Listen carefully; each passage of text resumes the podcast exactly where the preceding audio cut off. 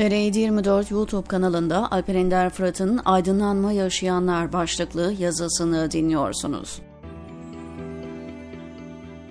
Dünyadaki her vicdan sahibi Gazze'de sivil katliamların derin üzüntüsünü yaşarken bu süreç birçok kişinin de aydınlanma yaşamasına vesile oldu.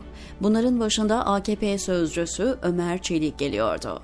Cumartesi annelerinin seslerini duyurma çabalarının polis joblarıyla engellendiği, kadınların ters kelepçeyle tutuklandığı bir günde AKP'nin parti sözcüsü Ömer Çelik, batılı ülkeleri Filistin'e destek gösterilerini engelledikleri için eleştirdi.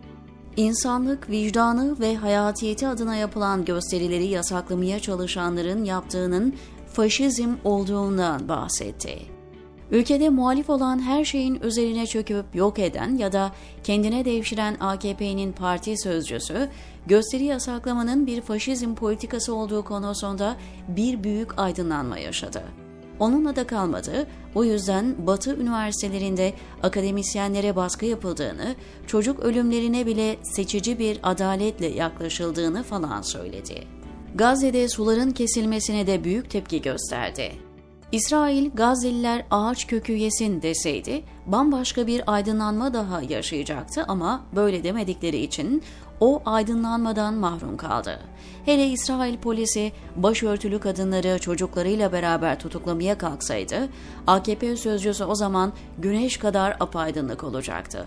Dünyanın bir yerinde insanlar aç susuz bırakılıyor, haklarını araması, yapılan haksızlığı dünyaya duyurma gayretleri engelleniyordu olacak şey değildi.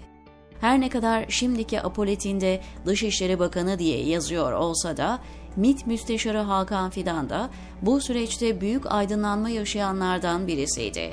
Meğer dünyanın bir yerinde zalim yönetimler kendinden olmayanların mallarına çöküyor, ellerine el koyup sahipleri dışarı çıkarılıyor, yerine başkaları yerleştiriliyordu. İstihbarat Başkanı bunun bir hırsızlık olduğunun farkına varıyor ve büyük bir aydınlanma yaşıyordu. 15 Temmuz rejiminin kurucu babalarından biri olmasına rağmen birilerinin evlerine, yurtlarına, okullarına, binalarına el konulup başka birilerine verildiği gerçeğiyle karşılaşmak onda büyük bir şok meydana getirmişti. Bunu yapan İsrail'in ne kadar zalim olduğuna bir kere daha karar verdi. Biz de batıdaki medya bağımsızlığı ve demokratik haklar konusunda büyük aydınlanma yaşadık. Bize göre Batı, demokrasinin, insan haklarının, medya bağımsızlığının diğer adıydı. Oysa bu süreçte bir Orta Doğu ülkesindeki gibi aykırı bir görüş anında cezalandırılırdı.